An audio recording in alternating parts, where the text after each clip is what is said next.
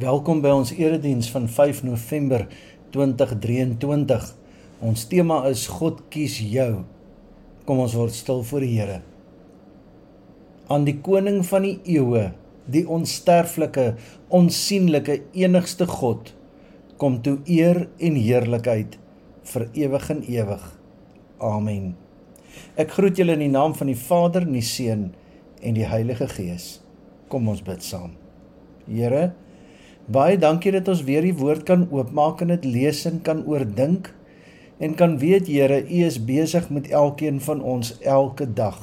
U stap ons lewenspad saam met ons. U loop voor ons, U loop agter ons, U loop langs ons. U beskerm ons. Dankie Here dat ons kan weet waar ons hier bymekaar is, is U deur die Heilige Gees hier saam met ons om U woord vir ons oop te breek sodat ons daaruit kan groei en u lig in hierdie wêreld kan wees. Seën ons hier saam in u woord. Amen. Ons lees saam uit 1 Timoteus 1 van vers 12 af. 1 Timoteus 1 van vers 12 af en ek lees uit die 2020 vertaling. Ek dank hom wat my versterk het, Christus Jesus, ons Here, omdat hy my betroubaar geag het toe hy my in sy diens aangestel het vir my wat voorheen 'n lasteraar, 'n vervolger en 'n geweldenaar was. Nogtans is ek begenadig omdat ek uit ongeloof onkundig opgetree het. Ons Here se genade oor my was oorvloedig en daarmee saam ook die geloof en liefde wat daar in Christus Jesus is. Die uitspraak is betroubaar en werd om ten volle aanvaar te word. Dat Christus Jesus na die wêreld gekom het om sondaars te verlos van wie ek die heel grootste is. Ek is juis om hierdie rede begenadig sodat Christus Jesus aan my as die grootste sondaar al sy geduld kon betoon as voorbeeld vir hulle wat in hom sou glo met die oog op die ewige lewe aan die koning van die eeue die onsterflike onsigbare enigste God kom toe eer en heerlikheid vir ewig en ewig amen 'n mens kry twee soorte mense. Die een groep voel dat hulle nooit goed genoeg is nie en die ander groep voel dat hulle die sentrum van die heelal is. Daar behoort 'n derde groep te wees. Nederige mense wat weet dat hulle so waardevol is dat Jesus vir hulle aan die kruis gesterf het. Mense wat ten volle probeer lewe omdat hulle hierdie lewe uit God se hand ontvang. Mense wat weet dat God hulle gekies het.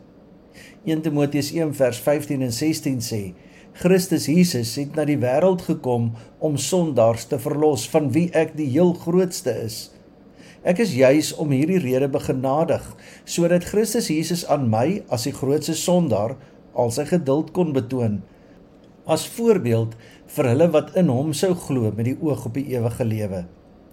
Paulus praat nie uit die hoogte uit met 'n klomp sondaars nie, nee sê hy, Christus Jesus het na die wêreld gekom om sondaars te verlos van wie ek die heel grootste is. Hy praat dus nie met ons vanuit die oogpunt dat hy self alles reg doen en nou moet ons dit ook reg doen nie. Ek is 'n sondaar net soos julle, maar ek net soos julle is begenadig deur God gekies om die ewige lewe te verkry. Ek is deur die bloed van Jesus vrygekoop. Ja, dit is wat ek met my hele hart glo. Ek doen nou nie meer 'n klomp goed om hemel toe te gaan nie. Nee, ek doen nou 'n klomp goed omdat ek hemel toe gaan. Ek doen nie meer 'n klomp goed om daardeur gered te word nie. Nee, ek doen nou 'n klomp goed omdat ek gered is. My lewe is dus 'n reaksielewe op God se genade. Ek leef nou dankbaar. Waarvoor moet ons dankbaar wees? Paulus dank Jesus dat hy hom gekies het. Hy het nooit die gevoel gehad dat hy vir Jesus gekies het nie, maar dat Jesus hom gekies het. Lees maar weer Handelinge 9, sy pad na Damaskus storie. Dis ook ons storie. Ons doop herinner ons dat hy ons gekies het nog voordat ek hom kon kies. Paulus dank God omdat God vir Paulus kies om vir God te werk. Dit was vir Paulus 'n wonderlike saak dat God hom, die kerkvervolger, gekies het om die groot kerkplanter en sendeling Christus se ambassadeur te word. Ons as Jesus volgelinge is sy ambassadeurs. Hy kies jou ook. Jy verteenwoordig vir God hier op aarde deur jou lewe. Jou lewe wys mos dat jy van God afhanklik is. Jou lewe wys mos dat jy vir God lewe en dien in die kerk, by die skool, by die werk en jou gesin en jou verhoudings. God kies jou om sy lig te laat skyn deur jou hele lewe. Paulus dank God omdat God hom aangestel het om te dien, om God en mense te dien. Jy moet die Here jou God lief hê met jou hele hart, siel, verstand en krag en jy moet jou naaste lief hê soos jouself. Jy doen dit nie omdat jy hulle wil lief hê nie. Jy doen dit omdat God hulle liefhet. God kies jou om deur jou lewe ander mense te laat verstaan dat God ook vir hulle kies. Eer is om die koning te dien. Die beloning is diens, nie eie eer nie. Paulus dank Jesus omdat hy hom bemagtig het. Ons bereik niks uit ons eie krag nie, maar alleen deur die krag en genade van God. Aan die een kant het jy, so sê Paulus, krag vir enige situasie, want ek is tot alles in staat, Filippense 4 vers 1. En aan die ander kant is dit duidelik dat hierdie krag beslis vanuit 'n ander bron as jouself kom, deur hom wat my krag gee. Ek is tot alles in staat deur hom wat my krag gee. Moet nooit vergeet dat jy 'n vergeefde sondaar is nie. Dit verhoed jou dat hoogmoed in jou hart inkruip. God het jou nie gekies omdat jy beter is nie, maar omdat hy genadig is. Paulus moes onthou wie hy sonder God was sodat hy kon lewe saam met God. Die onthou van sy sonde was die beste en sekerste manier om die vuur van dankbaarheid aan die brand te hou en om hom nederig te hou. 1 Timoteus 1 vers 15 en 16 sê Christus Jesus het na die wêreld gekom om sondaars te verlos van wie ek die heel grootste is. Ek is juis om hierdie rede begenadig sodat Christus Jesus aan my as die grootste sondaar al sy geduld kon betoon as voorbeeld vir hulle wat in hom sou glo met die oog op die ewige lewe. Hierdie gedeelte gee vir ons 'n belangrike lewensbeginsel deur. Kyk met sagte oë. Kyk met Jesus oë na ander mense en hulle foute.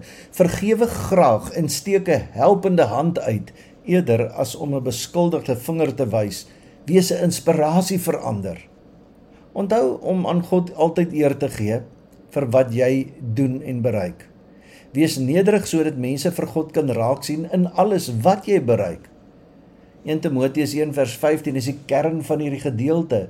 Die uitspraak is betroubaar en werd om ten volle aanvaar te word dat Christus Jesus na die wêreld gekom het om sondaars te verlos van wie ek die heel grootste is. Die sondigheid van die mens en die inisiatief van God om mense te verlos staan sentraal hier in 1 Timoteus 1. In ons teks beskryf Paulus homself as die voorbeeld van verlossing deur genade. Paulus het oordeel verdien. Paulus het straf verdien en tog kies God hom.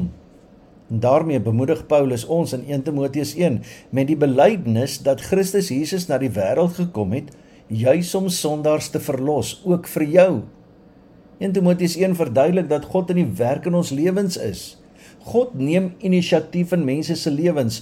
God gee nie met jou moed op nie. God kies jou selfs lank voordat jy hom kom kies. Verlossing is die inisiatief van God wat onverdiend en ongevraagd geskenk word aan sondaars. Paulus sê: "Vir my wat voorheen 'n lasteraar, 'n vervolger en 'n geweldenaar was, nogtans is ek begenadig omdat ek uit geloof onkundig opgetree het. Christus Jesus het in die wêreld gekom om sondaars te verlos van wie ek die heel grootste is.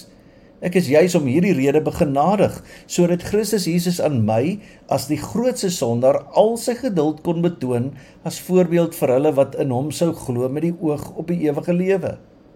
God wat aan Paulus die grootste van sondaars genade betoon, is die God wat midde in situasies van gebrokenheid, lyding, swaar kry, ook aan ons genade betoon. Hierin moet ons die versorgende God wat na ons en na die skepping uitreik in liefdevolle genade raak sien. Christus Jesus wat in die wêreld kom om te red en om barmhartigheid te bewys, wys hier na God wat betrokke raak by die worstelinge, die sonde, die elende van mense, mense soos jy. Dit is duidelik dat God deur verlossing 'n nuwe begin in die wêreld maak. God red en vorm mense om nuut te lewe. Die genade verander inderdaad ons lewens. Jesus is die goeie nuus van die Bybel. Jesus is die hart van die Bybel. In Jesus is God tot vandag toe verlossend betrokke in die wêreld, ook in jou lewe. Verlossing is vir sondaars, gebroke mense, mense wat worstel om selfsin van hulle lewens te maak. God kies jou. God maak jou nuut in Jesus Christus sodat jy nuut kan lewe. God se verlossing red Paulus nie net van sy sondige verlede nie. Dit gee hom nie net nuwe sin in die hede nie, maar dit skenk ook aan hom 'n nuwe toekoms, die ewige lewe. Niemand kan dieselfde bly nadat hy of sy God se nuwe lewe in Christus se verlossing ontvang het nie. Net soos God se verlossing Paulus oor grense geskuif het om die verlossing in Christus Jesus aan ander te gaan verkondig, kies God jou ook en skuif God ook jou grense om ander mense aan te raak. Ons verlossing dra ons weg van onsself en laat ons fokus op ander. In 1 Timoteus 1 is dit God wat verlossing gee. Dit is God wat besorgd is oor die verlossing van alle mense en dit is God wat sy verlossende genade in Christus openbaar. Maar ons moet reageer. God kies jou. En wat 'n verskil maak dit aan jou lewe? Jou hele lewe moet saam met 1 Timoteus 1 vers 17 sê: Aan die koning van die eeue, die onsterflike, onsigbare enigste God, kom toe eer en heerlikheid vir ewig en ewig. Amen. Ons dankie vir u genade. Ons dankie vir u verlossing. Ons dankie vir die kruis. Ons dank U dat die graf leeg is. Ons dank U dat Jesus Christus aan die regterhand sit en vir ons intree. Ons dank U dat U weer gaan kom en ons gaan kom haal. Ons dank U Here dat U ons God en Here is. Ons dank U dat U ons gekies het. Dat U ons elke dag kies. Dat ons naam op U handpalm gegraveer is. Dankie Here dat ons aan U behoort. Help my dat ek elke dag so sal leef dat almal kan sien ek kies U. Amen. Nadat ek die seën uitgespreek het, sing ons lied 454 Vader, ons eer U. Mag die Here ons seën en ons beskerm. Mag die Here tot ons redding verskyn en ons genadig wees. Mag die Here ons gebede verhoor en aan ons vrede gee. Amen.